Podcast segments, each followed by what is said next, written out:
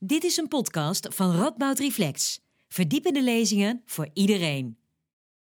Van harte welkom bij dit programma van Radboud Reflex. Wie is er bang voor Simone de Beauvoir? Mijn naam is Lisbeth Jansen en ik ben programmamaker bij Radboud Reflex. Fijn dat u er bent. Het beroemde boek van Simone de Beauvoir, De Tweede Sekse, begint met een opmerkelijke quote. Ze schrijft: Lang heb ik geaarzeld met het schrijven van een boek over de vrouw. Het is een irritant onderwerp, vooral voor vrouwen. In tegenstelling tot wat veel mensen denken, is De Tweede Sekse niet zozeer een boek over vrouwen, maar allereerst een boek over vrijheid. Ze wijst ons erop dat we de mythes waarmee we onszelf, en met ons bedoel ik dan mannen en vrouwen, waarmee we onszelf begrijpen en waarmee we onszelf vastzetten, dat we die kunnen veranderen. Maar wat zijn die mythes dan eigenlijk en hoe komt het dat we ze niet zien? Wat hebben we nodig om vrij te kunnen zijn? En, misschien wel het belangrijkste, wat is vrijheid eigenlijk volgens Simone de Beauvoir? Het programma van vanavond is vrij simpel. U gaat dadelijk eerst luisteren naar een lezing van ongeveer 20 minuten door Ruud Welten. En daarna uh, zal ik hem interviewen en is er natuurlijk ook ruimte voor uw eigen vragen. En die kunt u gedurende het hele programma insturen via uh, menti.com. De code die, die ziet u onderin uw beeld. Um, ik krijg die hier dan uh, binnen op mijn tablet. Um, en als ik u een tip mag geven, als u korte, bondige vragen stelt, uh, die, die, kan ik het beste, die kan ik het beste lezen. Dus die maken de meeste kans om, om gesteld te worden. Andere dingen kunt u eventueel ook via de chat met elkaar regelen. Vindt u de chat irritant, die kunt u ook heel gemakkelijk uitzetten, bijvoorbeeld door uw beeld op fullscreen te zetten. Uh, wat nog meer? Oh ja, we hebben ervoor gekozen om het programma een kwartiertje langer te laten duren dan uh, aanvankelijk op internet stond. Uh, dus het is nu tot kwart over negen in plaats van tot negen uur. En we hopen natuurlijk dat u allemaal lekker een kwartiertje langer blijft hangen. Dan rest mij last but not least, om onze spreker van vanavond voor te stellen. Ruud Welten. Hi Ruud. Hallo. Fijn dat je er bent. Welkom. Hi. Uh, Ruud Welten is uh, hoogleraar filosofie aan de Erasmus Universiteit Rotterdam uh, en daarnaast ook filosoof aan Tilburg University. Hij houdt zich bezig met moderne Franse filosofie bij denkers als Sartre en Camus en nu dus ook Simone de Beauvoir. En daarover schreef hij dit mooie boek, Wie is er bang voor Simone de Beauvoir? En dat boek werd al genomineerd voor de Socratesbeker 2021. Ja, nogmaals Ruud, welkom. Leuk dat je er bent. Ik uh, ga meteen gewoon het woord aan jou geven en dan uh, kun je met je lezing beginnen. En dan zien we elkaar straks weer. Oké, dankjewel. Uh, dankjewel Lisbeth voor de inleiding. Um, ja, het is voor mij ook even wennen om op zo'n manier in dit coronatijdperk uh, een, een lezing te geven. Normaal gesproken heb je een zaal voor je en dan, dan kun je elkaar zien. Ik zie nu alleen maar mezelf. Dat is een vreemde, vreemde situatie. Maar leuk dat jullie er zijn. Ik zie je niet. Ik zie dus wel mezelf. Doe alsof je thuis bent, zou ik zeggen. Um, ja, wat ik niet wil gaan doen is heel veel over Simone de Beauvoir um, gaan vertellen. Althans niet over haar leven. Ik wil Simone de Beauvoir echt wegzetten. Dat heb ik ook in mijn boek geprobeerd als een serieus denker, als een filosoof. Uh, het, het, het, recht dat haar toekomt als een van de grote, grootste denkers van de 20e eeuw. Um, het is uh, ja, heel kort. Uh, er is natuurlijk vreselijk veel geschreven over, over haar leven, wat ook gigantisch interessant is. onstuimig leven, veel relaties met mannen en vrouwen, maar de beroemdste relatie, ja, het moet toch eventjes worden genoemd, is die met Jean-Paul Sartre. Um, en dat is filosofisch gelijk natuurlijk ontzettend belangrijk, omdat de relatie met Sartre betekent dat Sartre en Beauvoir eigenlijk de twee belangrijkste vertegenwoordigers werden van het Franse existentialisme. Je moet dat dus plaatsen um, in de loop van de Tweede Wereldoorlog, waarin men gaat herdenken wat eigenlijk vrijheid is. En je moet een beetje ook voor, voor ogen hebben dat Frankrijk natuurlijk in een, in een wat rare situatie zat. Aanvankelijk was het bezet, um, door, uh, um, uh, bezet door de Vichy-regering, dus eigenlijk door het, door het eigen land. Um, en de vraag die eruit voortkomt in, de, in, in het kielzog ook van de Franse revolutie, ja, maar, maar als wij alleen maar een beetje mogen meedoen met het grote Duitse volk, wat is dan nog vrijheid? Dat is eigenlijk de vraag die ook door de existentialisten, wat is vrijheid, op een hele radicale manier wordt, uh, wordt gesteld. Vlak na de Tweede Wereldoorlog 1949, de Tweede Sekse, u weet het waarschijnlijk, Uh, het betekent uh, veel meer dan dat uh, Beauvoir eigenlijk kon, kon vermoeden, namelijk zoals we dat nu noemen de tweede golf feminisme. Ik wil ingaan, ja, nogmaals, ik wil ingaan echt op haar filosofie en ik wil dat doen met drie hoofdthema's. En dan kunnen we, ik hoop dat we in de discussie wellicht op een aantal punten ook wat dieper kunnen ingaan, maar die wil ik nu eventjes schetsmatig neerzetten. de drie thema's die zijn vrijheid, eigenlijk het belangrijkste thema. Het thema, en dan, en dan twee thema's waarvan we eigenlijk allemaal denken, maar ik weet wel wat dat is, maar nou, dat moeten we even bezien, of dat, uh, hoe dat bij Beauvoir komt eruit te zien. Namelijk schrijven, wat is een schrijver? En uh, het derde thema is uiteraard, wat is feminisme? Maar misschien eerst, uh, en ik doe het een beetje from scratch. Uh, wat is vrijheid? Existentialisme is een filosofie van vrijheid. Wat betekent dat? Dat betekent dat de mens zichzelf, en de existentialisme is een filosofie die stelt dat de mens zichzelf heeft te denken vanuit vrijheid. Dus ik ben radicaal vrij. Ik ben niet al gedetermineerd door bijvoorbeeld uh, natuur en ik ben ook niet gedetermineerd door cultuur. dus de mens heeft zich te denken als zodanig. Dat betekent, en dan heb je natuurlijk gelijk de, ja, de tegenwerping. Ja, maar ik ben toch geboren in een land en ik ben toch geboren als een man of een vrouw. En als ik ziek word of als ik in een oorlog kom, dan kan ik daar toch niks aan doen. Nou, het, punt van het existentialisme, waar ook je voortdurend al vanaf het begin van haar werk, uh, uh, waar ze op wijst, is de mens is een, is een wezen dat zich verhoudt tot zichzelf. Hè? Dus als ik, daar kom ik zo meteen op terug, maar als ik man ben, uh, in mijn geval, dan ben ik niet man omdat de natuur mij dat heeft gegeven, maar dan vraag ik me voortdurend af, maar wat betekent dat dan? En, en hoe ziet dat eruit? En wat betekent dat in mijn relatie tot andere mensen?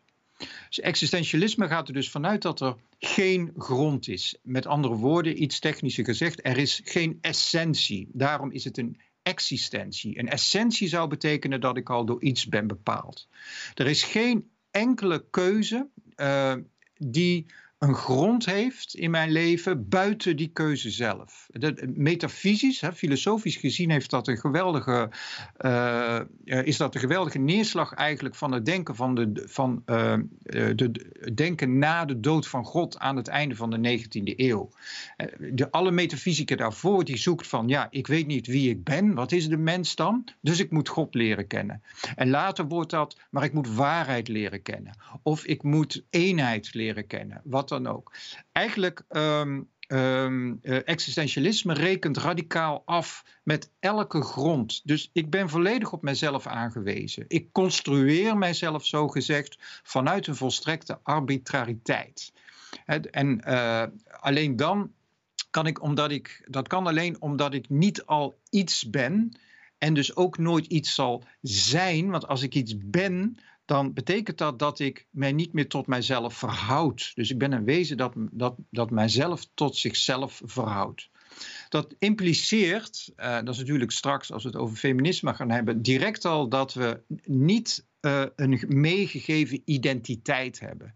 Zo, zo bezien heeft het ook niet zoveel zin om naar je identiteit te zoeken, want naar je identiteit zoeken betekent altijd dat je die vrijheid inlevert ten aanzien van een samenleving die iets van jou verwacht. Uh, je, je, moet dit of je moet dat zijn en sterker nog, maar ik wil dat zijn, ik wil me hierin inschrijven, kan ook heel letterlijk inschrijven, maar ik, ik, ik, ik ga mijn patronen aannemen. Er is dus geen basiswaarde, zelfs niet, uh, zelfs niet van humaniteit. De mens is een wezen dat steeds opnieuw de basiswaarde van de humaniteit, die dus, die dus niet in de natuur is gegeven, moet herformuleren en moet voor zichzelf en in de samenleving moet verwezenlijken. Het probleem is natuurlijk, anderen ik kan wel zeggen, maar ik ben volledig vrij, maar anderen kunnen jou vangen in jouw identiteit. Dus overigens niet alleen de identiteit van de vrouw of de man, maar zeker ook, en dat is een thema wat bij Beauvoir overigens een belangrijke rol ook speelt, uh, de identiteit van, van de zwarte. Um, Daarbij gaat het bij Beauvoir nooit zozeer om opkomen voor je identiteit. Dat is heel erg een jargon waar wij nu in zitten, maar vrijheid de tweede sekse is dus niet een boek dat de vraag stelt: wat is nu eigenlijk een vrouw? Wat is het wezen van de vrouw? Nee, precies het tegenovergestelde. Wat is vrijheid? En daarom is het ook primair een existentialistisch werk.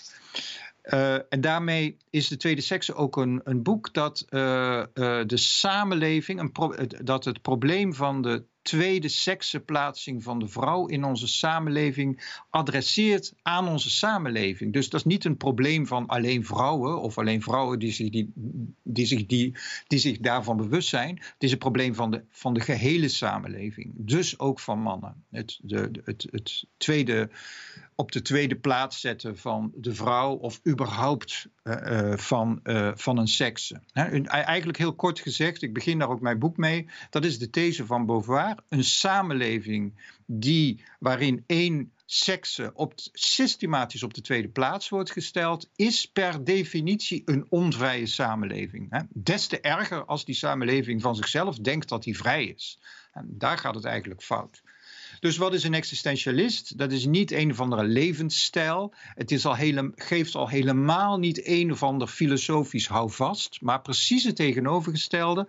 Het, het, het geeft je, het doet je inzien dat je hebt te leven met een gebrek aan houvast. Daarom is het geen, geen filosofie van troost, maar van verontrusting. Het is niet een filosofie van oplossingen. In onze tijd, wij zijn geobsedeerd door oplossingen, maar uh, van wat ook de tweede sekse heel duidelijk doet, de beschrijving, de bewustwording van een gigantisch probleem. Uh, dat gezegd zijnde, de mens is, is, vrij, maar de mens is natuurlijk wel altijd in situatie. De mens is, en, die situatie betekent, die is concreet gegeven. Ik ben Nederlander, ik ben man en in een andere tijd, ik zit in een oorlog of ik word ziek of wat dan ook. Dat betekent altijd nooit, dat, nou laat ik het zo zeggen, dat betekent nooit dat uh, mijn subjectiviteit, mijn mens zijn, wordt bepaald door een of ander lot. Maar dat betekent dat die situatie waarin ik mij bevind, onvervreemdbaar mijn situatie is. Dus heeft dus niks te maken met vrije keuze of met vrije wil of wat dan ook. Nee, maar in die situatie zijn met mijn daad, wat dat ook is, kies ik mijzelf. Hè? Dus mijn leven is mijn leven. Anders gezegd, alles wat mij overkomt is van mij. Daarom ben ik volledig vrij. Ik ben niet gedetermineerd. Dus sowieso, existentialisme gebruikt nooit dat soort uh, wetenschappelijke termen uit causaliteit of determinatie, omdat, ik, om, omdat het menselijk bestaan vrijheid is. Nou, de hele beroemde gedachte, uh, die moet wel worden genoemd, uh, is van de kwade trouw, de mauvaise foi. Betekent eigenlijk niks anders dan de ontkenning daarvan. Dat is, dat is de excuuscultuur. Dat is gelijk zeggen, ja maar wacht even, in die en die situatie kun je toch niet zeggen dat mensen vrij zijn. Nou, de existentialisten die zullen, wat die situatie ook is, ik sta met mijn rug tegen de muur, zeggen we letterlijk of figuurlijk, ik kan geen kant op, je kunt mij toch niet vrij noemen precies dan komt het erop aan om jezelf als vrij te denken. Er bestaan geen situaties waarin ik geen keus heb. Dat is natuurlijk heel ongemakkelijk. Het is veel makkelijker om te zeggen: ja, ik heb geen keus. Ik kon er niks aan doen. Hè? Dus ja, uh, God heeft het gewild. Of uh, ja, is de causaliteit. Mensen werken nu eenmaal zo. Dat hebben de psychologen laten zien. Al dat soort al dat soort argumenten nemen de existentialisten van, van je weg. En daarom, het is een zeer ongemakkelijke, dus, dus ik bedoel niet zozeer een moeilijke, misschien ook, maar het, het is een ongemakkelijke, het is een wrijvende uh, filosofie. Het werpt je terug op je, mens, op je menselijkheid, je verantwoordelijkheid voor je menselijkheid. Voor Beauvoir betekent dat ook heel sterk dat het een filosofie van ambiguïteit is. Dat is een heel boek, mooi boek wat voorafgaat aan de, aan de tweede sekse, Pour de ambiguïté, voor een pleidooi voor een moraal der dubbelzinnigheid, werd het destijds vertaald. Uh, waarin Beauvoir eigenlijk laat zien, ja, wat doet de religie en de filosofie elke keer? Is de mens die weet niet wat hij is, Um, en inderdaad, dat is zo. Maar ik heb me hier toch een filosofie. En als je mijn filosofie volgt, nou, dan weet je wat je bent.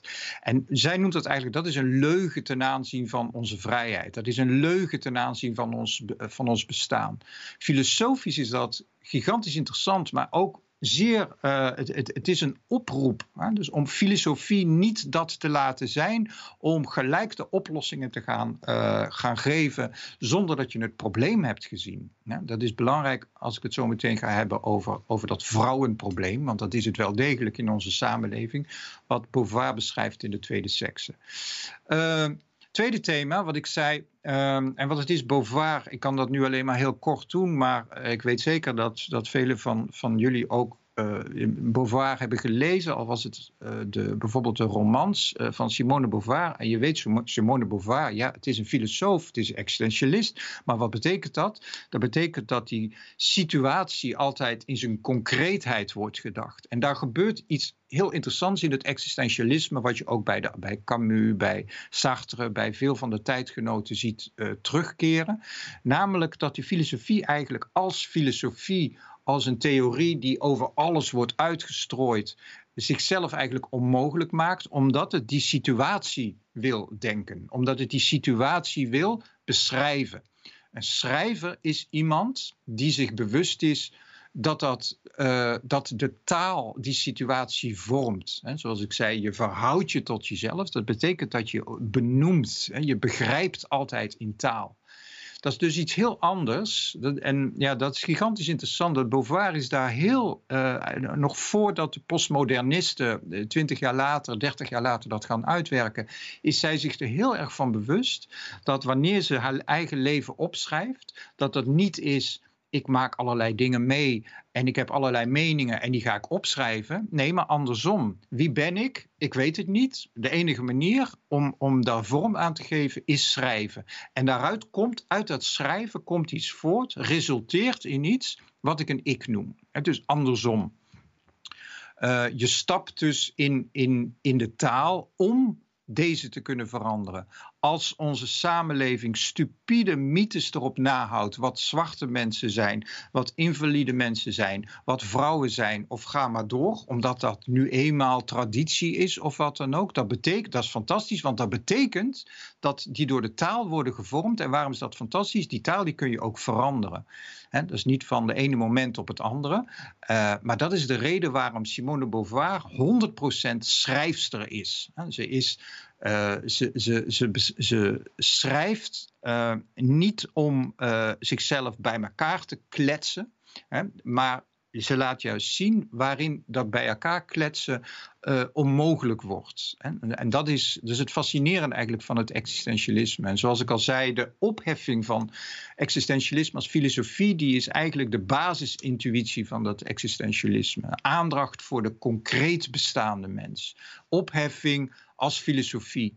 Vandaar dat in het existentialisme, en dat is niet alleen het existentialisme, dat zie je in, in, toch wel in de hele Franse, overigens ook wel Duitse, Engelse, maar zeker ook in de Franse cultuur.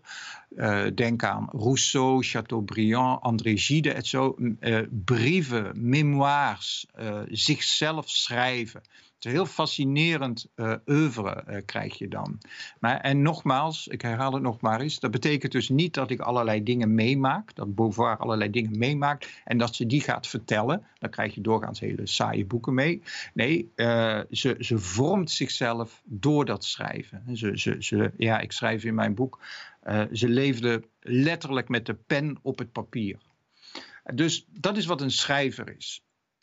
Laatste punt uh, waar we natuurlijk naartoe moeten is feminisme. Wat zo fascinerend is aan de tweede sekse, um, wat mij althans heel erg fascineert, is het eerste opval, eerste wat opvalt. Uh, ik zei, uh, Simone Beauvoir is een existentialiste. Ze is een schrijfster. Ze is, het is een boek, de tweede sekse is een boek dat leest. Dus wat doet ze? Ze leest heel veel andere boeken. Ze leest brieven. Ze leest psychoanalytische verslagen. Uh, ze leest memoires van veel van vrouwen, maar ook van mannen. Um, en, en daarin, eigenlijk veel later zou je dat noemen deconstructie. Hè, daarin kijkt ze hoe die mythe van de vrouw inslijt. Hoe vrouwen daar ook zichzelf in onderdompelen. Hoe ze zichzelf daar eigenlijk in vastzetten. En daar hebben we een gigantisch groot probleem waar we volgens mij nog lang niet van af zijn, is namelijk dat onze samenleving volledig masculien denkt. Wat betekent dat het op een masculine manier praat. En dat, en dat is echt de these van Simone de Beauvoir. Dat, dat betekent voor Beauvoir dat de vrouw zich altijd vervreemd want, uh, voelt. Want dat betekent dat die vrouw over zichzelf moet denken in een taal die niet de hare is, maar die haar gegeven is door de man. Dus, um, en, en daar zit een, ja, ik ga daar vrij uitvoerig op in, dat kan ik nu niet doen. Uh, in mijn boek, daar zit, daar zit natuurlijk een heel uh, monotheïstisch raamwerk achter. Vroeg of laat, uh, vroeg namelijk, moet er een keus worden gemaakt. Er is één God. Er is een naijverige God, een jaloerse God. En die ene God is een man. In, in onze westerse metafysica, tot in onze wetenschap aan toe, alledaagse taalgebruik, waarheid is één. Dus afkomstig van God. Maar die één is een man. Dat is een keus gemaakt in de drie monotheïstische religies. Dat dat een masculien uh, een masculine structuur heeft. Beauvoir gaat daar uh, uh, vrij uitvoerig op in. Uh, en uh, er wordt vrij vaak overheen gelezen, omdat haar relatie tot religie is, heel, is eigenlijk heel erg interessant. Het is een heel precieze lezing, omdat ze, ze was zelf als klein meisje, beschrijf ik ook, was zeer gelovig. Ze is zeer katholiek opgevoed. dus ze neemt dat helemaal mee. Ze was ook nog als studenten was ze geobsedeerd door mystiek. Um, en dat, dat, uh, dat betekent dat als je zegt, ja, maar existentialisten, dat zijn atheïsten. Ja, dat is wel waar. Uh, alleen de vraag is, uh, waar komt dat vandaan? En, en dat is een van de, ja, dat is een, dat is een element wat, vaak overeen wordt gelezen in Beauvoir. Ik heb daar geprobeerd in mijn boek ook ja, extra de nadruk op te leggen.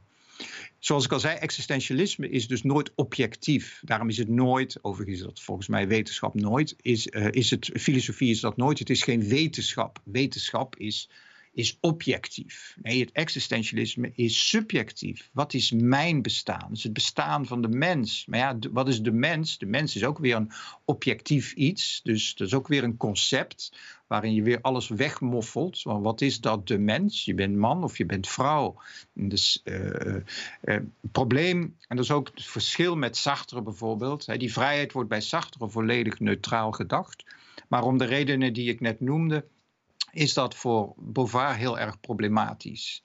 Dat heeft, uh, ja, Um, ik, ik, zal daar iets, iets van noemen, is, is bijvoorbeeld, dat is een heel pijnlijk, zijn pijnlijke bladzijden om te lezen. Maar wat is een groot probleem voor Beauvoir in onze samenleving, is dat de vrouw is voorbestemd moeder te zijn. En daar gaat bovendien nog eens gepaard met het argument van, ja, maar dat heeft de natuur zo ingegeven. Met andere woorden, de man is vrij. Als de man geen zin meer heeft om vader te zijn, nou, dan gaat hij, dan gaat hij scheiden, gaat hij gewoon weg. Probleem opgelost. Maar de vrouw blijft altijd met haar kind op schoot zitten. En dat is een enorm thema voor Beauvoir. En ze is daar vrij streng in. Ze is vrij streng aan de moeder die zich overgeeft aan het moederschap. Um, uh, omdat dat voor haar onmiddellijk een gevangenschap uh, met zich meebrengt. Ze worstelt daar overigens ook uh, ontzettend mee. Maar dat, is, dat betekent dat die vrijheid voor de vrouw al veel moeilijker is. En zeker een samenleving die daar ook nog eens een zware moraal en een religie en normen en waarden op gaat plakken. De, de man die, ze beschrijft dat in heel veel citaten die ze uit andere, die ze leest dus in, in literair werk. Uh, ja, voor, voor, voor, een man is het uh, viriel hm, om, om, om eens een keer een andere vrouw te hebben. Maar voor de vrouw, ja, dat, is, dat kan absoluut niet. Dat laat de moraal niet toe om een andere partner te hebben. Want die moet thuis blijven, die moet op de kinderen passen. Nou, wat ik aan de uh, ja, een, ik, een van de problemen is uh, dat, uh, dat masculine structuur, ja, die masculine structuur van onze samenleving, waarin wij denken over wat, wat is een succesvol mens, is gelijk altijd dan een succesvolle man. En dat is niet iets wat je zomaar eventjes kunt wegregelen. En ja, ik, ik stel daar ook vraagtekens bij in het laatste hoofdstuk, uh, omdat ik denk dat, dat daar in onze samenleving vaak ook fout gaat. Dat we denken dat we eventjes dat via politiek of eventjes met een, uh, een, een, een, een, gender officer of zo op een universiteit of in een, in een bedrijf kunnen wegwerpen. Werken. Alsof Uh, maar ja, de, de redenering is dan eigenlijk van ja, uh, er zijn niet genoeg, mannen, uh, niet genoeg vrouwen aan de top. Maar ja, als we dat eventjes een flinke boost geven, dan gaat het vanzelf wel zal het wel beter gaan. Nou, ik denk dat je vanuit Beauvoir kan zeggen, nee, maar dan wordt het alleen maar erger. Waarom? Omdat je niet naar het probleem als zodanig hebt gekeken. Je kijkt alleen maar naar de oplossing. En wat is hier het probleem? Het probleem is, dat de samenleving op een masculine manier denkt. Die denkt aan wat is een succesvol uh, mens? Dat is een succesvolle man. Dat is het model. Dus die vrouwen die komen alleen maar via dat mannelijke pad in de neoliberale samenleving op hogere posities. En daarom denk ik dat die taal, uh, waar Beauvoir zo ontzettend goed en gevoelig uh, in is, dat. Uh, dat dat veel eerder de manier is. En inderdaad, via de literatuur, um, uh, via de cultuur, uh, dat dat de manier is om daar langzamerhand het veranderen van die mythes verandering in te brengen. Um, ja, de neoliberale, neoliberale samenleving is natuurlijk een samenleving um, waar, die heel sterk denkt in uh, gelijk een probleem aanpakken. En, en ja, filosofisch is dat altijd, is dat altijd problematisch. Wat, wat Beauvoir heel sterk doet, maar hoe ziet dat probleem eruit? En op het moment dat je het probleem denkt te weten in de tweede seks, ze gaat erop door. Hè. Ze, ze zit in wonden te porren. En eigenlijk nergens komt de oplossing. Hè. Dus het is eigenlijk altijd de verkeerde vraag in de filosofie van, ja, maar wat is dan de oplossing? Ja, maar de, het probleem zit vaak in het formuleren van de oplossing. Ik, ik, noem één voorbeeld in het boek. Iemand die zei, een mannelijke, mannelijke collega, die zei een paar jaar geleden van... ja, we moeten nu ervoor zorgen dat vrouwen, die moeten we voorrang gaan geven. Wij mannen moeten vrouwen voorrang gaan geven. Zonder te zien dat daar het probleem alleen maar groter mee wordt. En waarom wordt het groter? Ja, om een man die beslist dat de vrouw tweede sekse is... en dat hij eventjes voor mag dat zijn structuren die, waar we in, in, in vastlopen. we kunnen daar misschien in de, in de discussie wat nader op, op ingaan. Maar ik denk in de in het, uh, in, het, in, het raamwerk van Simone de Beauvoir dat het een fatale vergissing is om te denken hoe meer vrouwen in topposities, dan zal het vanzelf wel veranderen. Nee, eerder versterkt dat het mannelijke succesmodel. Feminisme wordt dan uh, uh, ja, de, geslaagde vrouw. Hè, dus een feminist is een vrouw, die is geslaagd, want ze is aan de top. maar dat betekent altijd zoals mannen dat zijn in onze samenleving. Uh, ja, de fout van vandaag denk ik is dat we kijken alleen maar naar wie, wie in die sorteermachine komt bovendrijven. En we moeten zorgen dat er meer vrouwen komen bovendrijven. Maar we, we, kijken niet naar die sorteermachine zelf. We kijken niet naar het taalapparaat, het begrippenapparaat. En dat vraagt niet zozeer om uh, ja, sociaal-psychologische analyses of managementanalyses. Dat vraagt om een diepgaande filosofische, literaire analyses. Um, dus kortom, en dan sluit ik af. Ja, wat is vrijheid? Vrijheid is, eigenlijk is het antwoord heel simpel vanuit Beauvoir, vanuit het existentialisme. Hecht niet aan je identiteit. Dat is vrijheid. Hè? We hebben de neiging om vandaag de dag precies het tegenovergestelde te doen. Ik mag zijn wie ik ben, maar ik heb een identiteit en vervolgens ga ik daar, uh, ga ik, uh, ga ik het voor mezelf opnemen. Maar dat is precies niet wat vrijheid is. Dat is jezelf vastzetten. Hè, vanuit existentialisme gedacht.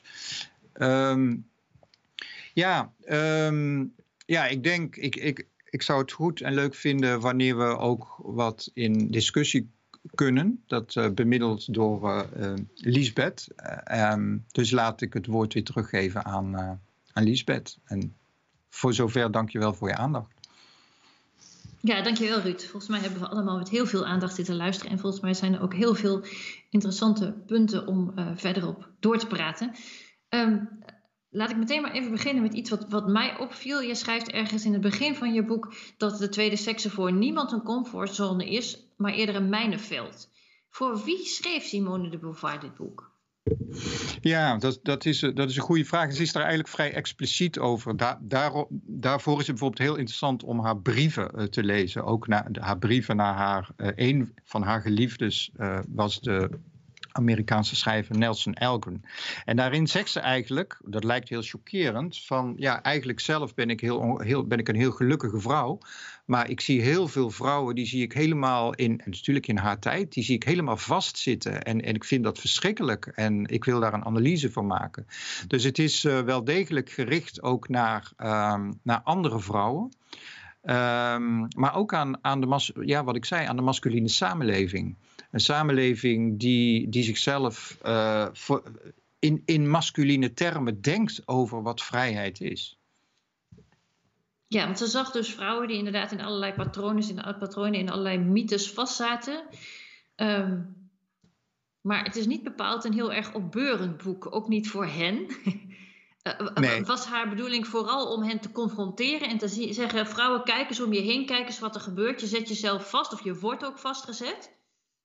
Ja, ik denk dat het, uh, um, als, je, als je op zoek bent naar de oplossing, dat probeerde ik net ook een beetje al mee te nemen, dan, dan kom je van koude kermis thuis. Want dat, dat, die zul je niet krijgen. En bovendien de weinige hints die ze aan het einde geeft, die zijn wat dat betreft ook niet heel bevredigend. Maar dat vind ik juist het enorm sterke van het boek. Ze duikt echt in, de, in het probleem dus um, ja, ik, ik, noem neoliberaal, dat is natuurlijk geen term die zij, ze zal eerder het woord kapitalistisch of zo uh, gebruiken. Maar uh, kijk, een, een probleem is dat we leven sterk in een managementcultuur. En dat, daar is op zich niks op tegen. maar dat betekent dat alle problemen worden als managementproblemen gezien. En dit is een gigantisch groot probleem wat een metafysische, religieuze, culturele achtergrond heeft, die ons heeft gevormd. Dat is niet iets wat je even met een, met een verdrag of met een nieuwe wet of een, of een paar vergaderingen uh, kun, kunt oplossen.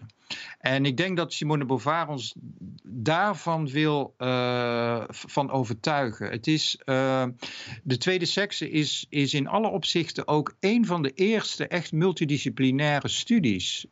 nou, die gebeurde wel meer in die tijd, dat is waar, maar het is ongelooflijk. Dus het hele eerste deel, dat zijn toch honderden pagina's, over, eerst over biologie. Dus ze neemt ons het argument weg van ja, maar kijk nu in de natuur en daar zie je dat mannen en vrouwen, mannetjes en vrouwtjes in de bij de dieren, dat dat een hiërarchie heeft. niet. Dus Beauvoir gaat door heel de biologie van haar tijd heen om dat te laten zien. Door de literatuur, door de psychoanalyse, et cetera. Dus ze doet dat een, daarom is zo'n dik boek. Dus ze doet dat enorm nauwgezet. Um, uh, niet door even een these of een mening of van nou ik denk dat als we het zo gaan doen dat het dan allemaal wordt opgelost.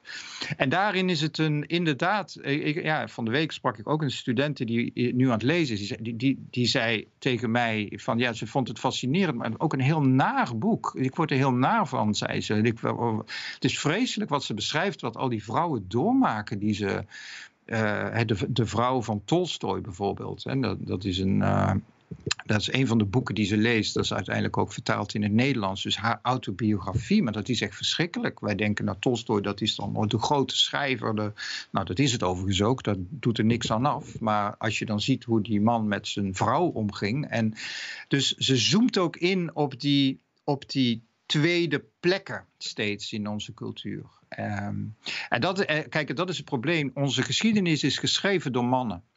Uh, onze cultuur is voor een groot deel uh, gevormd door mannen. En vervolgens gaan mensen dan nu ook nog eens zeggen van ja, maar dan kun je toch, je kunt de geschiedenis niet veranderen. Nou ja, dat is natuurlijk maar de vraag. Je kunt ook heel erg goed kijken, maar wat gebeurt er daar eigenlijk in de geschiedenis? En hoeveel, wat waren de rollen van de vrouwen in de intellectuele, religieuze, culturele en ga zo maar door ontwikkeling? Die blijkt gigantisch te zijn. We hebben daar tot nu toe alleen geen oog voor gehad. En daarom is het zo belangrijk dat we, en niet alleen vrouwen, omdat ze feminist zijn, maar gewoon mannen, studenten, iedereen uh, zich verdiept in, in onze eigen cultuur. Uh, het is een heel erg een history geworden, een his story.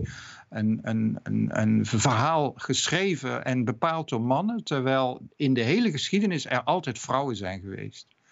Dus de these die ze neerlegt is vrij sterk. Hè. De, de, ja, de vrouw is de tweede seks. En ik denk het meest gevaarlijke wat je kan doen, uh, is, is gelijk gaan roepen van, oh ja, maar dat is achterhaald. Dat is, dat is iets van haar tijd. Maar uh, ja, ja. Ja, ik vroeg me ook af, want je, inderdaad, we hebben het nu over. Het is, een, het is een, moeilijk boek, in de zin van een zwaar boek om te lezen voor, voor, voor, vrouwen. Ik, ben, ik, ik realiseer me dat ik me op, op een hellend vlak begeef als ik zeg: Jij als man hebt dit nu gelezen, maar ik ga het toch maar even opponeren. En als je het niet zo ziet, dan hoor ik het graag. Hoe is het voor, hoe is het voor jou om dit boek te lezen? Om zeg maar vanuit het, nou ja, vanuit het andere perspectief. Ja, nee, dat is een, dat is een heel terechte vraag natuurlijk. Uh, ik, ik, denk het probleem is dat er wordt altijd vrij snel gezegd: het is de Bijbel van het feminisme. ja, de vraag is: wat bedoel je daar eigenlijk, eigenlijk precies mee? Maar ehm, uh, het is natuurlijk wel grondig bestudeerd door vrouwen. Hè? Dus ook in Nederland hoor, in de jaren zeventig. Uh, een, een, mooie proefschrift, geweldige teksten. Maar eigenlijk nooit door mannen. en dat is altijd een beetje het lot geweest van het moderne feminisme. Is dat het een vrouwending werd. En dat is echt, en ik, zeg, ik, bedoel, dat, ik bedoel dat, ik zeg het denigrerend. Omdat het altijd op die manier wordt gepresenteerd. Hè? Zo van, heb je haar weer? Ze is feminist. maar het punt is het is een probleem van de samenleving. En daarom is het noodzakelijk, is het onvermijdelijk dat mannen zich daar ook mee bezighouden. En dan, uh, jouw vraag, heel terecht. Uh, nou, is zeer ongemakkelijk om te lezen. En het geeft zelfs schuldgevoel. Uh, in de, en in de zin van, ja, maar hier. De, voor mij betekent het bijvoorbeeld heel, heel concreet. Dat ik inderdaad vind, en gelukkig hoor je die geluiden meer nu. Uh, in, de in, de academische filosofie dat een curriculum dat alleen maar bestaat uit uh, de, de, mannen met de baarden, ja, dat, die tijd moet echt een beetje voorbij zijn. Natuurlijk is het waar dat we niet zomaar voorbij Heidegger en Spinoza en zo, ga zomaar door, door kunnen, maar uh, we kunnen wel wat beter gaan lezen. Ehm, en meer lezen en kijken naar de vorming van, uh, van onze cultuur en de, de rol van het vrouwelijke denken daarin. En daar is, ja, ja, Simone de Beauvoir is natuurlijk een, ja, is een topauteur. Ja, en het is ook heel mooi dat je dat zegt, dat het natuurlijk precies is wat zij nou ja, ons meegeeft. Dat we moeten gaan lezen, dat we meer moeten gaan lezen. En dat dat, uh, ja, nou ja, ik heb, kan u niet zeggen dat dat de oplossing is, maar goed, dat dat een, een, een, manier kan zijn om op zijn minst het probleem duidelijker voor ogen te krijgen. Uh, misschien wil ik nog even naar, naar dat begrip vrijheid hè, en de manier waarop zij dat uh, definieert.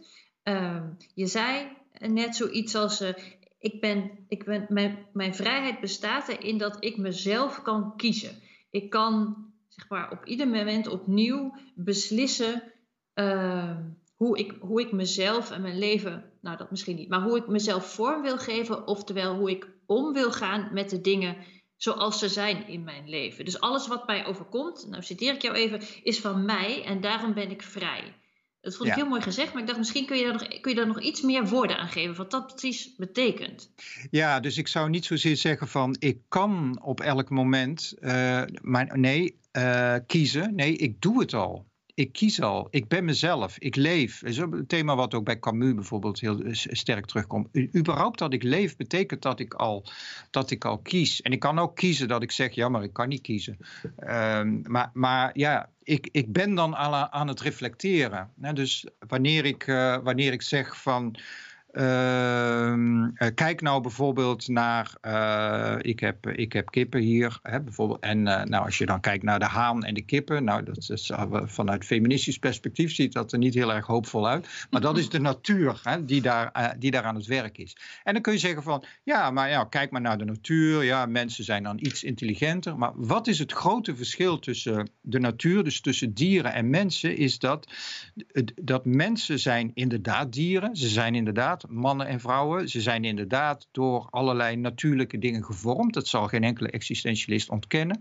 Maar het, ze verhouden zich tot hun determinatie, zo gezegd. Dus, dus, uh, het dus dat betekent gelijk wanneer ik ja, mijn voorbeeld is natuurlijk wanneer ik man ben, wat betekent dat precies? En, en hoe, een ethiek komt daarin. Hè? Dus hoe, hoe heb ik mij daarin te gedragen? En natuurlijk kan ik niet mezelf mij gedragen zoals de haan dat doet met kippen. De, dat is een samenleving die je niet wil. Dat is de natuur zoals je de natuur wil. Dat is het grote verschil tussen de natuur en de cultuur. En dat heeft niks te maken met. Uh, dat mensen een vrije wil hebben of wat dan ook. Dat is eigenlijk een hele moderne discussie waar, waar bijvoorbeeld Sartre zich al heel erg tegen afzet. En die zegt ook, het gaat helemaal niet over, over een vrije wil. Ja, waarom gaat het niet over een vrije wil? Omdat als ik dat zeg, dan zeg ik van nou, ik heb een eigenschap. Ik ben wat, ik heb een essentie en die essentie is dat ik een vrije wil heb. Maar ja, als ik een vrije wil heb, ja, wat betekent dat dan? En is die dan nog wel vrij? Dus met andere woorden, Ehm, in mijn leven. Uh, het gaat erom, laat ik het zo zeggen, om jezelf te kiezen. Uh, en dat is het moeilijkste wat er is. Dat is zeer ongemakkelijk opnieuw. Hè? Dus, dus uh, wat mij overkomt, ik word ziek. Ik, van het ene, mensen in andere culturen, in andere tijden, in andere landen vandaag de dag, die zitten in de situatie. Van de ene dag op de andere zitten ze in een oorlog. Ehm, en wat je niet kunt doen, ja, wat je kunt doen is zeggen, ja, maar ik heb die oorlog toch niet gewild. Het is toch niet mijn oorlog, dat zijn die anderen. En ik ben daar het slachtoffer van. Ja, dat is allemaal waar. Het punt is, maar um, mijn, het, eh, ik heb mij te verhouden tot die oorlog. Wat zal ik ermee doen? Ik ga strijden, ik ga vluchten, ik ga zelfmoord doen, ik ga actie voeren, ik ga documentaires maken, ik ga de politiek in. Ga zo maar door. Nooit is er een moment dat je kan zeggen, ja, maar ik heb geen keuze. En, en dat, is, ja, dat is ook waarom eh, Sartre en Beauvoir zeggen, die vrijheid die is zeer ongemakkelijk. Dat is de reden waarom we hem zo snel mogelijk van ons af willen schudden. Eh, dat is de kwade trouw. Dat is gewoon het argument, uh, ja, maar wacht even, ik snap je argument wel, maar ik heb me nu toch een voorbeeld en daarin kun je niet zeggen dat ik niet vrij ben of dat diegene niet vrij is. Hè. Ik zei het al uh, dat straks, juist op dat moment komt het erop aan om je vrijheid te erkennen. Ja, want dat is iets anders dan acceptatie. Hè? Het gaat er niet om dat ja. je zegt, nou, ik ben, dit is me nu eenmaal, ik heb een ongelukkige liefde of ik zit in de bijstand. Of ik, en dat, dat, ja, dat, dat, dat is nu nee. eenmaal zo, daar kan ik niks aan doen. Dus dan laat ik het maar zo. Maar wat is het dan wel? Wat is dan dit kiezen nee. voor die vrijheid? Ja. Nee, dat, nee, kijk, wat je beschrijft, dat is eigenlijk de, de stoïcijnse positie die je bij Seneca en zo, hè, eerste eeuw vindt, wat overigens een hele mooie filosofie is hoor, maar inderdaad, het is, dat is mijn lot en, en ik moet me er volledig bij neerleggen en dan ben ik vrij. Maar dat is niet existentialisme. Existentialisme uh, betekent voor, zeker ook voor Beauvoir, van ik wil dit niet, dat betekent dat ik iets te doen heb. Dus nou, de voorbeelden die ik net noemde van wat kan ik doen in een oorlog. Er zijn zoveel mogelijk, eh, mogelijkheden om te ja, doen. Zullen we, zullen we een voorbeeld kiezen dat dichter bij huis is? Dus bijvoorbeeld inderdaad, uh, laten we een ongelukkige liefde noemen. Die kent iedereen, ja. denk ik. Uh, de, ja, wat, wat kun je daar anders, wat, wat voor keuzes heb je als zoiets je overkomt? Ja, ongelukkig liefde is natuurlijk een mooi voorbeeld, wat overigens voor Beauvoir heel uh, komt in de literatuur en in de brieven ook natuurlijk heel duidelijk naar, naar voren. Ja, het is. Um, het is al, ook altijd het verhaal wat je aan jezelf vertelt. En daarom is het psycho psychoanalytisch ook altijd heel erg interessant. Je, je gaat ten aanzien van jezelf ga je eigenlijk liegen. Bijvoorbeeld, uh, je, je, je geliefde maakt het uit. Je, je, je hield uh, in mijn geval heel veel van haar, uh, maar ze blijkt vreemd te gaan. en vervolgens ga ik zeggen, ja, maar we hebben nooit van elkaar gehouden. Met andere woorden, het hele, de hele mythe van onze liefde die gaat daarmee veranderen. Um, er is altijd dat betekent, eigenlijk bewijst dat vrijheid. Want waarom? Het betekent dat namelijk dat de manier waarop ik kan kijken naar mijn leven en mijn verhouding tot anderen, die, die, die wordt gevormd door uh, vertelling, door mythe, door taal. Uh, en die taal, die, die, kan ik, die kan ik veranderen. Dus wij, wij kunnen daarmee mee omgaan. En, maar dat wil dus niet zeggen, ja, dat noemde je zelf uh, ook al, van ja, ik moet me daar maar bij neerleggen. Ja, de liefde en liefdesverdriet is daar een mooi voorbeeld, omdat dat vaak ook niet lukt. Of je wordt heel boos, of je heel erg verdrietig, of wat dan ook. Maar ja, het is wel, het is jouw het is, jouw, uh, het is jouw leven, hoe ga je daarmee om? Overigens, Kierkegaard is hier een heel interessant existentialistisch denker, hè, waarbij het voorbeeld van de onmogelijke liefde een, eh, een, heel grote, een hele belangrijke rol speelt. Ja. ja, misschien moeten we het even naar de taal, inderdaad, die je net ook weer, ook, weer noemde, en naar die mythes waar we ons dan in, in vastzetten.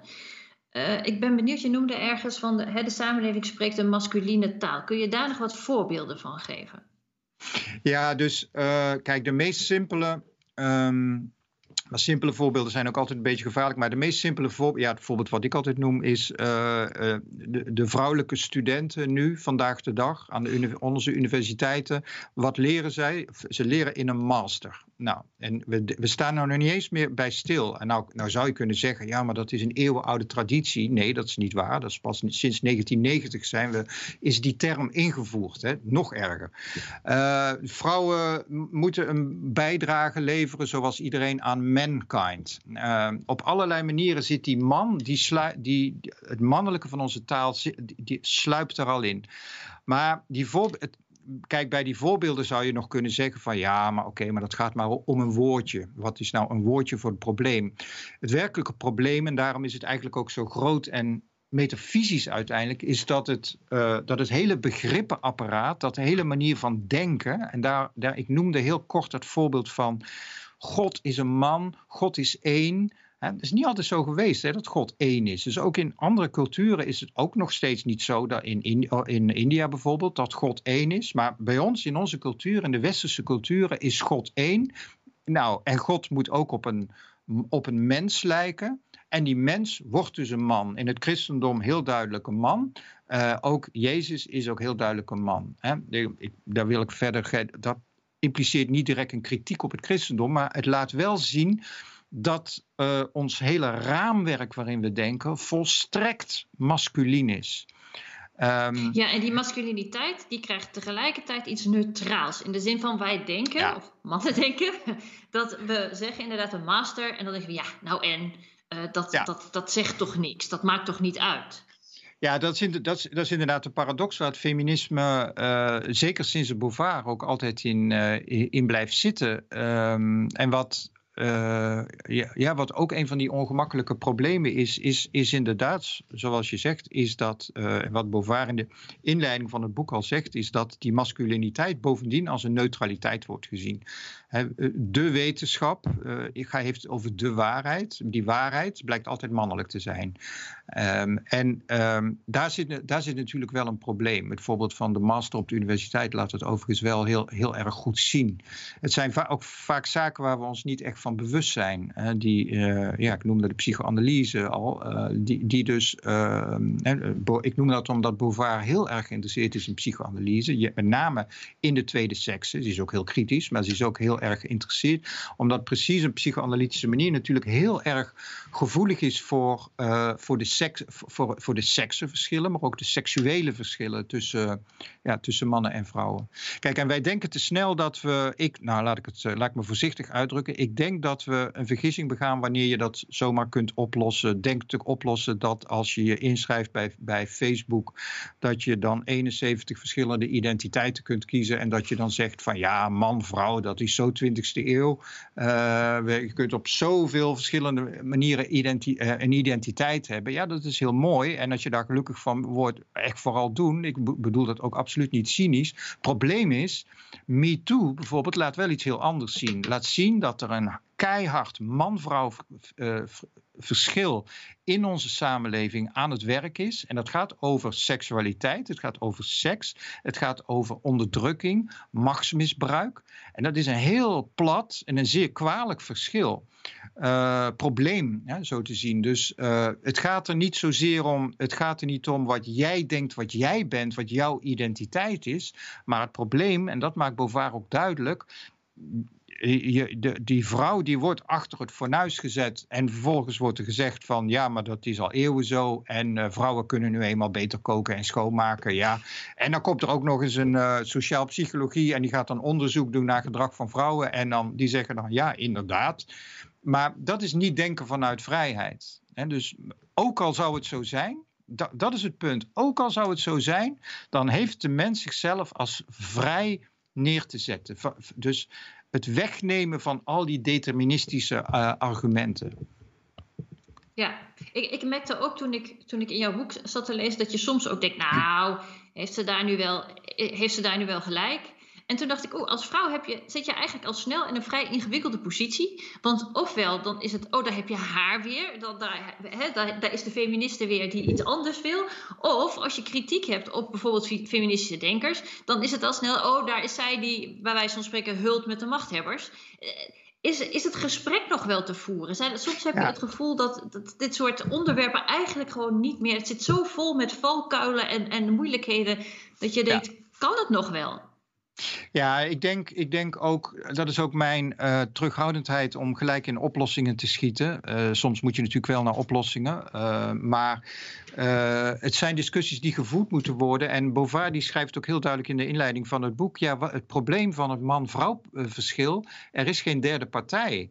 Er is geen neutrale rechter die gaan kijken van oké, nou de man heeft dit gezegd en de vrouw heeft dat gezegd en nu ga ik eens kijken. Ja, het probleem is, er steeds de man die dat doet. En dat maakt het probleem nog erger. Dus er is geen neutraliteit. Er is man of vrouw. Er is een, uh, dat is inderdaad een probleem wat de discussie altijd heel erg moeilijk maakt. Uh, dus inderdaad, je hebt het grote gevaar van ja, het feminisme dat... Uh, dat uh, uh, als lastig wordt gezien, de feministische vrouw die als lastig wordt gezien, um, of die uh, überhaupt dingen in de weg staat.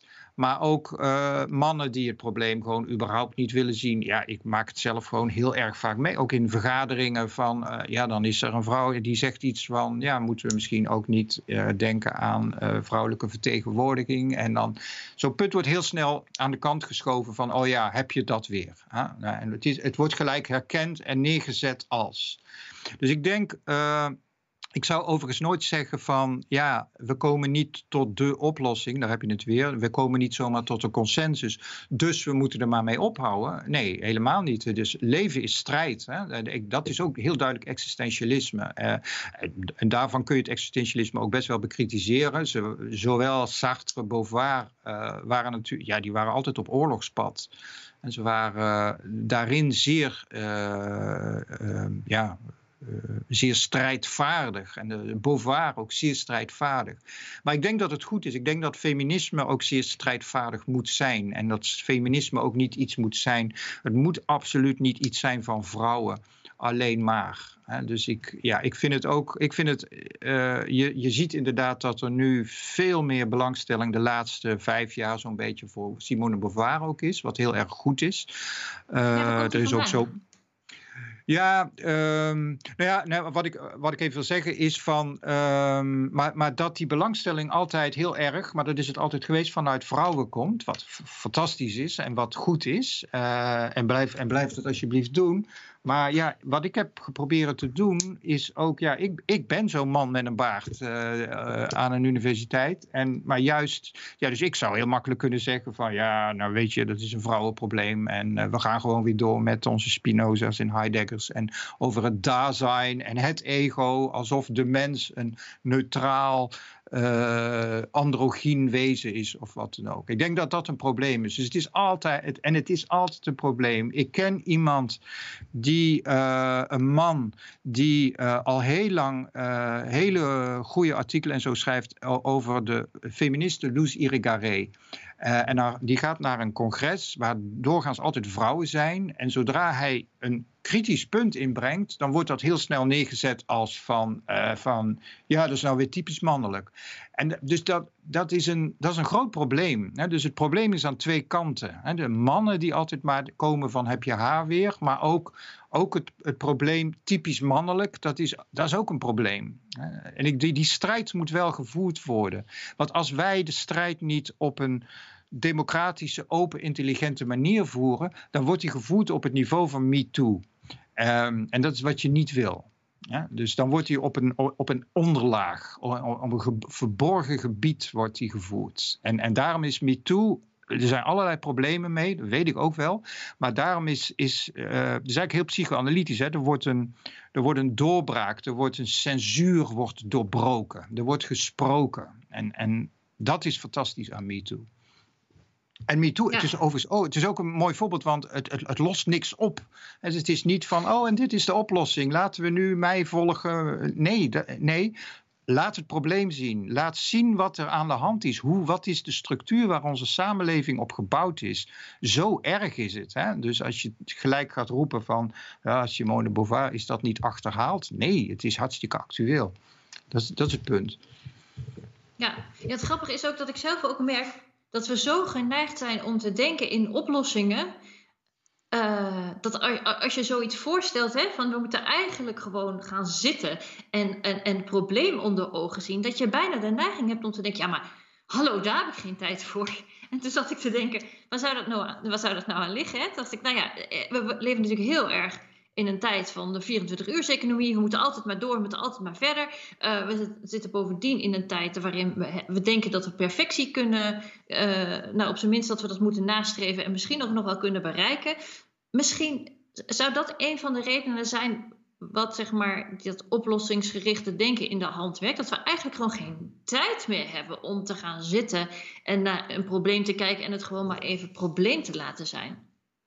Ja, nou ja, helemaal. Daar ben ik het volledig mee eens. Ik denk, en ik denk ook dat dat een serieus probleem is en ook een, een probleem is wat, wat met name de filosofie ook ernstig moet nemen. Dus ik ben, ik ben zeer wantrouwig ten aanzien van elke filosofische analyse waarin het laatste hoofdstuk het, de oplossing van het probleem komt. En, en ik probeer als studenten in de filosofie ook altijd, ja, als je, als je dat wil, dat mag, die mensen hebben we hard nodig, maar ga dan geen filosofie studeren, maar ga bedrijfskunde of ga uh, bestuurskunde of wat dan ook doen. Dat is oplossingsgericht. Uh, en inderdaad, de filosofie moet um, uh, voor mij, laat ik in ieder geval voor mezelf spreken en, en daarmee ook duidelijk maken waarom ik enthousiast ben over, over het werk en het denken, de manier van denken van Simone de Beauvoir. Die moet die pijnpunten opzoeken.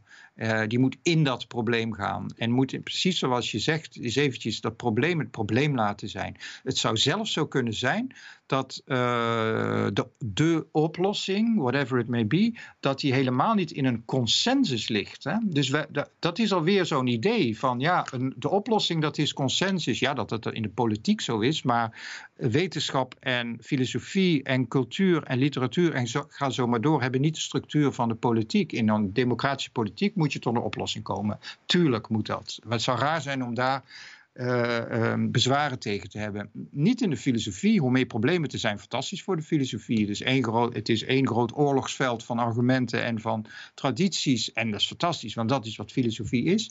Maar ik bedoel het ook op een andere manier. Ik denk dat uh, de uh, het man-vrouw verschil, dat die oplossing misschien helemaal niet in die consensus te vinden is. Dat we ook zien dat mannen en vrouwen inderdaad verschillend zijn. Je zou alleen zo graag eens zien dat het vrouwelijke genie, zoals dat gelukkig bijvoorbeeld in de literatuur in de 20e eeuw heel duidelijk tot bloei is gekomen, dat dat op alle terreinen ook in de bloei komt. En maar ik, ik, heb er, ik heb er de grootste twijfels bij of, ja, of de, de harde bedrijfscultuur, of dat nu wel. Uh, ja, of dat nou wel een cultuur is waarin dat mogelijk is. Uh, en da, dat is wel een probleem van dat ja, kapitalistisch neoliberale denken. Ik zeg dat ook. Um, ik zie er ook wel de problemen van hoor.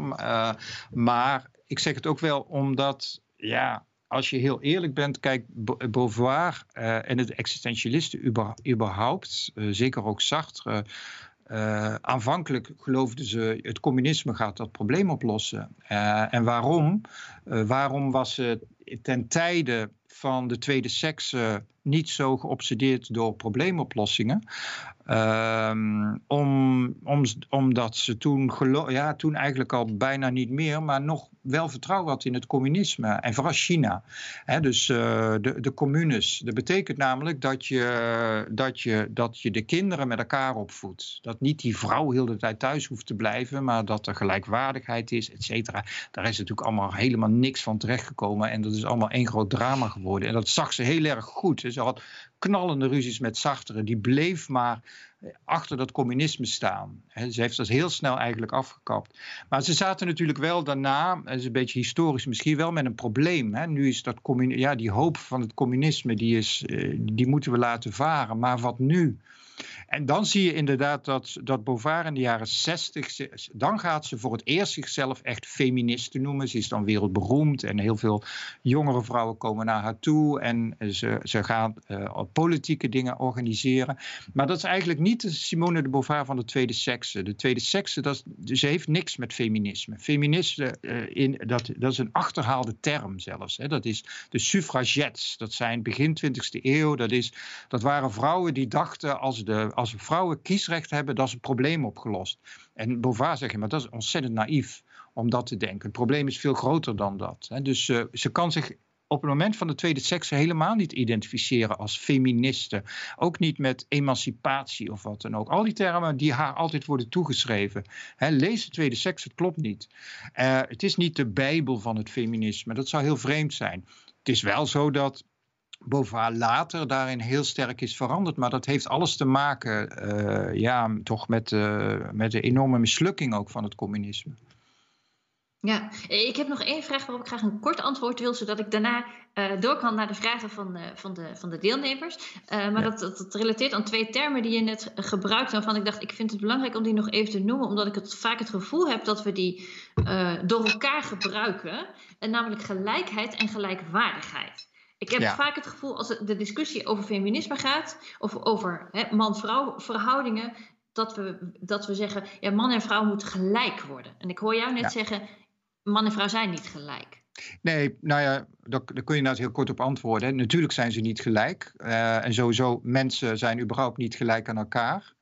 Maar uh, het gaat om gelijkwaardigheid. En dat is iets heel anders. Dat is wat je van een volwassen democratische samenleving mag verwachten. Ja, ja u wist het al. We hadden een korte technische storing, maar we zijn er weer. Uh, Ruud, ja, graag een uh, kort antwoord op die, op die vraag naar gelijkheid versus gelijkwaardigheid. Ja, ja de, eigenlijk, ik had het korte antwoord al gegeven. Natuurlijk zijn vrouwen en mannen niet gelijk. Dat zou absurd zijn. Überhaupt zijn mensen aan elkaar niet gelijk. We zijn allemaal verschillend, dat is een waarheid als een koe. Maar het gaat wel over gelijkwaardigheid. En dat is natuurlijk het probleem wat Simone Beauvoir aankaart met de tweede sekse. de, de vrouw is niet gelijkwaardig in, ons, in onze, ik, ik, uh, ik leg de nadruk op onze samenleving. Nog steeds. Dankjewel. Uh, ja. Ik ga even, ik zit naar beneden te kijken. Ik ben niet mijn Facebook aan het checken. maar uh, ik kijk naar de vragen die binnen zijn gekomen via Menti. Um, iemand vraagt, dat vind ik wel dat is een interessante vraag. Kan die masculine samenleving een vorm van onzekerheid zijn in plaats van van twijfel?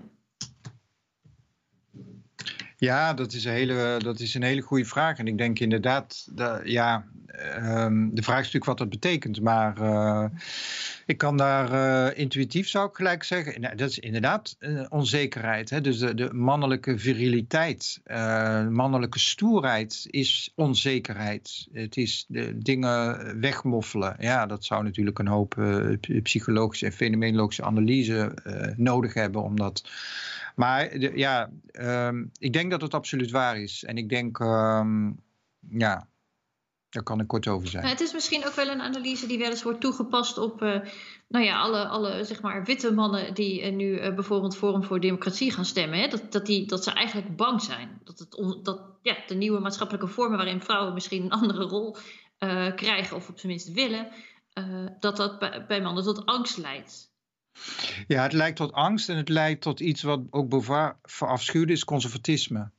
Um, namelijk dat je, dat je alleen maar terugvalt op zoals het was. Hè. Er is niks tegen traditie, maar een traditie is iets wat zichzelf voortdurend vernieuwt en, en uh, zichzelf uh, voedt aan de eigen tijd. Dat is een traditie. Als een traditie alleen maar is van uh, ja, het was zo, dus het moet weer zo worden, dat is een volledige onzekerheid. Dus daarom is het, het is een hele goede vraag. Ja, vraag, het is een, een goede observatie.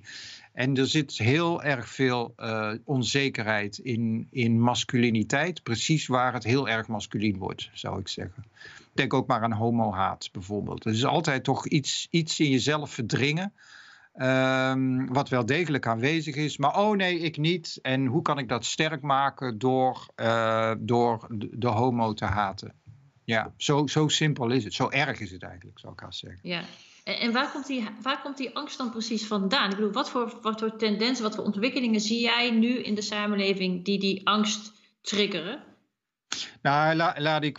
Ik denk niet dat het heel veel toe wat ik daarover vind, maar laat, zal ik het even teruggaan naar, naar het, het raamwerk van Simone de Beauvoir, van existentialisme überhaupt, is uh, we zijn ontzettend bang voor vrijheid. Um, en dat is wel het, proble het, probleem een beetje met de ja, nu nogal rechtse partijen die juist de vrijheid hoog in het vaandel hebben staan. Maar uh, het is een heel vreemd soort vrijheid, omdat het een vrijheid is die altijd ten koste gaat van een aantal andere mensen die niet vrij kunnen zijn. Um, het is een vrijheid die uitgaat van essentie. Wij zijn zo. Dit is het Nederlandse volk en dit hebben wij verworven en dit laten we ons potje dering niet afnemen. En dat is een, uh, ja, maar daarom zeg ik, en dat is op en top Simone de Beauvoir, uh, vrij zijn is niet hechten aan je identiteit. Uh, ja, en, en kijk, ja, ik, vind het, ik vind het een moeilijk probleem ook uh, natuurlijk nu. Uh, een, maar het is niet iets alleen van onze tijd natuurlijk, de, de ultrarechtse partijen. Ik zou eerder zeggen, in, in haar tijd was het veel erger. En we hadden mm, daar een, een Dritte Reich, et cetera.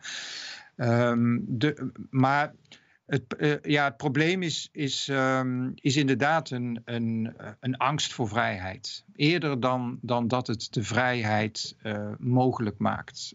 En vrijheid is, ja, wees niks, val niet terug op je tradities. En, of in ieder geval, als het voor je van belang is, ga daar op een vrije manier mee om. Ja, het is toch interessant dat, dat partijen of groeperingen die juist zo hard roepen dat ze de vrijheid propageren, eigenlijk juist bang zijn voor vrijheid. Althans, volgens de definitie van eh, de Beauvoir. Nou ja, het wordt een beetje nikszeggend ook. Uh, en het, ja, het, woord, het is natuurlijk lastig om te zeggen, het woord, het woord wordt misbruikt. Maar uh, ik, ik denk dat je zeker vanuit een existentialistisch of vanuit een filosofisch perspectief heel duidelijk kunt zeggen dat er inderdaad sprake is van een kwade trouw. Uh, ja maar de, de, ik, ik, bedoel dus nog even kort. Wat betekent vrijheid wanneer ik vrijheid direct definieer? Als ik zeg, ja, dat is de Nederlandse samenleving. En dat is blank. En dat, is, uh, en dat laten we ons niet afnemen door. Ja, maar waar heb je het dan over? Heb je het dan over vrijheid? Ja. Ja, ik laat die vraag even onbeantwoord en ga door naar de volgende vragen van Menti. Um, Iemand zegt, u sprak over bedrijfscultuur en de tot bloei laten komen van vrouwen. De vrouw als genie. Denkt u niet dat deze strijd net zo belangrijk is voor de vrouwen in de lagere economische klasse? Ja, maar is, uh, absoluut. En dat is natuurlijk, uh, ja, dat is het probleem van uh, ja, neoliberale denkers bovendien heel erg merocratisch in die zin dat het, het, het is heel erg hiërarchisch dat zit het probleem. En die hiërarchie die wordt georganiseerd uiteindelijk door, zo banaal is, door geld. Uh, ja, niet kennis is macht, dat is al lang niet meer zo. Geld is macht. Um, nou is er niks tegen geld. Um, en er is ook op zich niks tegen kapitalisme, denk ik. Maar daar zit wel een heel groot probleem. Uh, en dan zit inderdaad ook het probleem dat met, met name in, uh, ja, in, in minder bedeelden in onze samenleving wat geld betreft, dat het probleem daar alleen maar groter wordt. Dat het eerder een luxe probleem wordt om over vrijheid te spreken. En, en dat is natuurlijk, ja, uh, dat is een lastig probleem, maar ik zou het er wel absoluut mee eens zijn, ja. Um, ja, maar de vraag is misschien ook wel, is zeg maar de uh, filosofie van de Beauvoir en de samenleving die zij voorstaat, is die niet in zichzelf ook vrij elitair? In de zin van richt hij zich niet vooral op de vrouwen die, hè, die, het, nou ja, die, het, die het kunnen om zo onafhankelijk te leven? Nee, ik denk, denk dat dat niet zo is. Um, en ik denk, ja, kijk, het eerste is. Uh, ik ben altijd een beetje terughoudend om denken gelijk elitair te noemen. Alsof dat mm -hmm. aan, aan een bepaalde klasse zou zijn gebonden. Um, ik denk dat dat eh, niet zo is. En eigenlijk alleen heel de 20e eeuw met uh, ook geschiedenis van marxisme, et cetera, laat eigenlijk al zien dat dat vaak ook niet zo is. En dus veel intellectuelen komen ook komen niet alleen maar uit, uit hogere families of wat dan ook. Dat is natuurlijk wel na, dat is een ontwikkeling van na de, na de Franse Revolutie, van, van, van de laatste honderden jaren. Dat, eh, dat is wel waar. Nee, dus ik denk. Um, um, het, ja, het is wel een oproep tot cultuur en ook een oproep tot, tot literatuur. En, en wat wil dat zeggen? Ja, je bewustzijn van het schrijven. Dus um, ja, even kijken, kan ik een voorbeeld noemen? Een voorbeeld is uh, bijvoorbeeld uh, Simone de Beauvoir ondersteunde uh, Violette Leduc. Violette Leduc was een, was een lesbische vrouw met enorm veel problemen, met heel veel depressiviteit en heel veel gedragsproblemen. Ze was een briljant schrijfster. En ze, er is een hele mooie film over gemaakt een paar jaar geleden. Violet heet die. Dus echt, uh, daar zie je ook Beauvoir. En uh, volgens mij is het een heel getrouw beeld. En uh, dat was iemand uit de allerlaagste lagen van de bevolking, om zo maar te zeggen. En zeker in die tijd had je behoorlijk lage bevolk, lagen in de bevolking die op geen enkele manier een steun kregen. En altijd op straat werden geschopt. Hè. Denk ook aan Jean Genet die ook dief, inbreker, et cetera. Precies daar uh, Beauvoir heeft die Violette Leduc heel erg gemotiveerd om te schrijven. En ze heeft het ook gedaan. Ze werd een groot schrijfster. Ze is ook vertaald in het Nederlands. Fantastische literatuur. Um, om, om zichzelf te vormen. En dat laat zien dat dat niet alleen maar iets, iets is van mensen op universiteiten of wat dan ook. Ja, dat is makkelijk praten als ik op een universiteit zit. Dat weet ik. Ik snap dat deze uitspraak op zich problematisch kan zijn. Maar um, ja, kijk naar het existentialisme. Die moesten niks hebben van universiteiten. De Sartre kreeg ruzie met Merleau-Ponty, omdat Merleau-Ponty die deed schandaligs. Hij nam een baan aan op een universiteit. Maar filosofie was van de straat. Je ging zitten op de terrassen van Saint-Germain-des-Prés en je ging daar met mensen discussiëren. Dat was filosofie, zoals bij, bij de Grieken. Dus nee, dus dat, ik, ik denk niet dat je Simone de Beauvoir ze kwam inderdaad uit een zeer gegoede familie, maar uh, dat dat niet op die manier elitair is. Oké. Volgende vraag. Um, hoe begrijpt het existentialisme zoiets als bijvoorbeeld seksueel misbruik, waarbij we intuïtief juist de onvrijwilligheid of de onvrijheid centraal zouden denken? Ja, ja, dat is een hele goede vraag. En ik denk dat, uh, dus een vraag die zich niet zomaar laat uh, oplossen. En uh, Um, ja, en ik denk dat, dat, dat, moet ik ook een ongemakkelijk antwoord geven, is dat eigenlijk seksueel misbruik, eh, en, en dat is zeer bekritiseerbaar, zou ik gelijk toegeven, voor Beauvoir en voor Sartre eigenlijk als zodanig niet bestaat. En dat komt omdat uh, mensen inderdaad vrij zijn in de situatie die hun overkomt. Dat betekent, dat betekent er zelf voor verantwoordelijk zijn. Ik zeg daar nogmaals bij, dat is natuurlijk zeer problematisch. Maar een manier waar, omdat, uh, ja, ik wil ook Beauvoir wel bekritiseren. Ik ben niet iemand die alleen maar wil laten zien dat ze altijd maar gelijk heeft. Hè. Dus iets wat ook in de, in de laatste jaren ook steeds uh, wordt gebruikt als uh, argument tegen Beauvoir en tegen Sartre. Overigens, die hele, hele generatie, Foucault, Deleuze, et cetera, is eindeloos het ondertekenen van contracten tegen seksueel. Uh, dus er was de, de, in Frankrijk vanaf 1970 eh, werden de wetten ingevoerd waarin seksueel misbruik, zoals wij dat nu terecht noemen, dus seks met kinderen werd verboden. En die intellectuele generatie was daarop, was daarop tegen. Sorry, dat is zeer, natuurlijk vanuit. Dat is een zeer gevoelig, uh, dat is een zeer, zeer problematische these. En waarbij je, uh, dat is zeer bekritiseerbaar. Um, van de andere kant kun je wel ook met psychoanalyse laten zien van ja, maar als, als jou dat overkomt, het is, het is jouw probleem, je moet er iets mee. Je kunt niet eindeloos het bij de ander leggen. Ja, dat kun je wel doen en dat kun je juridisch doen en je kunt het ook met recht doen, daar, daar gaat het niet om. Maar het is, het is een probleem dat jou is overkomen. Dat is ook de reden waarom het bij Freud en Lacan natuurlijk zo'n enorme belangrijke rol speelt, is dat je, dat je teruggaat naar je, naar je kinderjaren om in die problemen, zoals zoals Beauvoir doet in de samenleving, om daar te vroeten. Wat, wat gaat daar fout? Maar inderdaad, uh, je ziet het al, de rol van de moeder wordt door Beauvoir eigenlijk weggenomen. Dus de, een, een, vrouw moet niet een moeder, dat een vrouw een, vroeg of laat uh, een moeder moet zijn, is voor Beauvoir heel erg problematisch. Maar dat betekent ook dat die rol van de moeder naar het kind uh, die komt eigenlijk te vervallen. En dat is iets wat, wat ja, mensen als Julia Kristeva later ook uh, Beauvoir op hebben bekritiseerd. Maar dit zijn, ja, dit zijn, nou ja, we zien het nu, we, we, we, we zoeken de problemen op. Hè. Dit zijn problemen die zich niet zomaar eventjes laten wegpraten.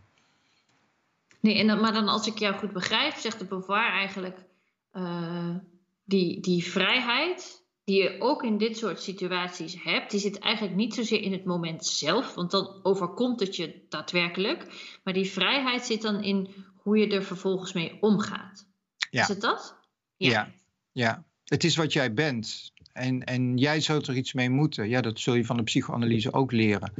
Um, het is niet iets wat je. Ja, wij hebben in onze tijd ook heel erg de neiging van. Ja, ik heb uh, psychische problemen en uh, ik sta op een wachtlijst en uh, ik, ik wacht totdat iemand anders mijn problemen komt oplossen. Maar ja, dat is ook begrijpelijk hoor. Dat wil ik niet gelijk wegbekritiseren. Maar existentialisme werp je altijd heel ongemakkelijk, zeg ik weer opnieuw, terug op jezelf. Wel, wat zijn de keuzes die je daarin maakt, de keuzes wie jij bent? Misschien kun je ook kiezen dat dit, dat dit probleem voor, voor goed en voor altijd niet meer jou gaat bepalen. Ja. En, je, kunt, en je kunt er ook aan hechten. Je kunt ook zeggen, ja, maar dit, dit is mijn probleem, dit heeft mij voor altijd getekend. En, en ja, heel snel kan je daarmee in een, kwa, in kwade trouw vervangen. Ja, dat zijn harde woorden natuurlijk, die mm. in, in een uh, uh, psychopathologische structuren problematisch zijn. Maar filosofisch, um, ja, mens zijn is vrij zijn. Ja. Ik kijk even naar mijn menti en ik zie dat er nog steeds nieuwe vragen binnenkomen. Daar hebben we helaas geen tijd meer voor, want het is kwart over negen. Um, en dat betekent dat ik moet gaan afronden. Maar ik wil jij nog heel kort, om met het, iets, iets misschien positievere noot te eindigen uh, dan waar we het net over hadden. Stel, dit, dit is een boek uit 1949. Stel dat Simone de Beauvoir morgen uh, nog even een dagje in onze samenleving kon rondlopen. Zouden er dingen zijn waarvan zij zei: hey, nou, hier zie ik iets positiefs, een positieve ontwikkeling ten opzichte van, van de situatie in mijn tijd. Wat zou je dan als eerste, waar zou je als eerste aan denken? Ja, kijk, dus natuurlijk, natuurlijk is het zo dat er heel veel is veranderd en dat, vrije, eh, dat vrouwen zich veel vrijer kunnen bewegen in onze samenleving dan in haar tijd. Hè. Dus in haar tijd, meisjes, katholieke meisjes werden uitgehuwelijkt, wat we nu eigenlijk alleen nog maar van andere religies kennen en niet met onze, uh, de, de westerse religies meer associëren. Ja, maar ja, je vraagt om, om een positief iets om mee af te sluiten. Ik, ik denk dat Beauvoir toch nog wel behoorlijk zou schrikken, eerlijk gezegd, van onze samenleving. Mm. Maar dat is wat, wat ik probeer te doen in. Het is natuurlijk altijd heel lastig om uh, het enige wat je natuurlijk kan doen is, is uh, Beauvoir's denkraam gebruiken om naar onze eigen tijd te kijken. dat heeft niks te maken met het feit van wat zou zij ervan vinden. Ja, dat, dat blijft een gissen, dat is niet zo interessant. Maar wat wel interessant is van ja, hoe kun je dat raamwerk gebruiken om naar onze eigen tijd te kijken. En ik denk... Nou ja, een hoop dingen die ook nu voorbij zijn gekomen, uh, van moederschap, maar ook MeToo, et cetera, die, die ja, de, de op de tweede plaats zetten van de vrouw is enorm veranderd. Of het zoveel is verbeterd. Maar daar wil ik nog wel de vraagtekens bij stellen. Ja, je vraagt om een heel positief. nee, goed, uh, prima. Maar... We gaan gewoon met een kritische noot in onze samenleving eindigen. Het is een beetje same, same, but different, uh, als ik je goed begrijp. Um, Ruud, mag ik je heel erg hartelijk bedanken voor, eh, voor dit gesprek en voor je lezing en voor alle vragen die je hebt uh, beantwoord. Ik vond het super interessant en ik denk heel veel van de mensen die thuis hebben zitten kijken uh, ook. dat hoop ik tenminste en, en, daarom wil ik jullie ook heel erg bedanken dat je hebt gekeken, dat je hebt meegediscussieerd, dat je misschien thuis met mensen hebt zitten praten hierover of zo niet, dan doe je dat misschien straks alsnog. Um, ja, als je dit leuk vindt en als je denkt, goh, ik zou dit wel met iets meer dan alleen maar een like uh, uh, willen, willen, willen belonen, uh, dan kun je ook nog aan ons doneren. Er staat een, een, donatieknop op onze website. En als je daar dan toch bent, dan kun je meteen bij onze agenda kijken, want we hebben nog heel veel meer leuke programma's voor u in petto. Um, dit was het voor vanavond. Fijne avond nog en hopelijk tot gauw bij Radboud Reflect.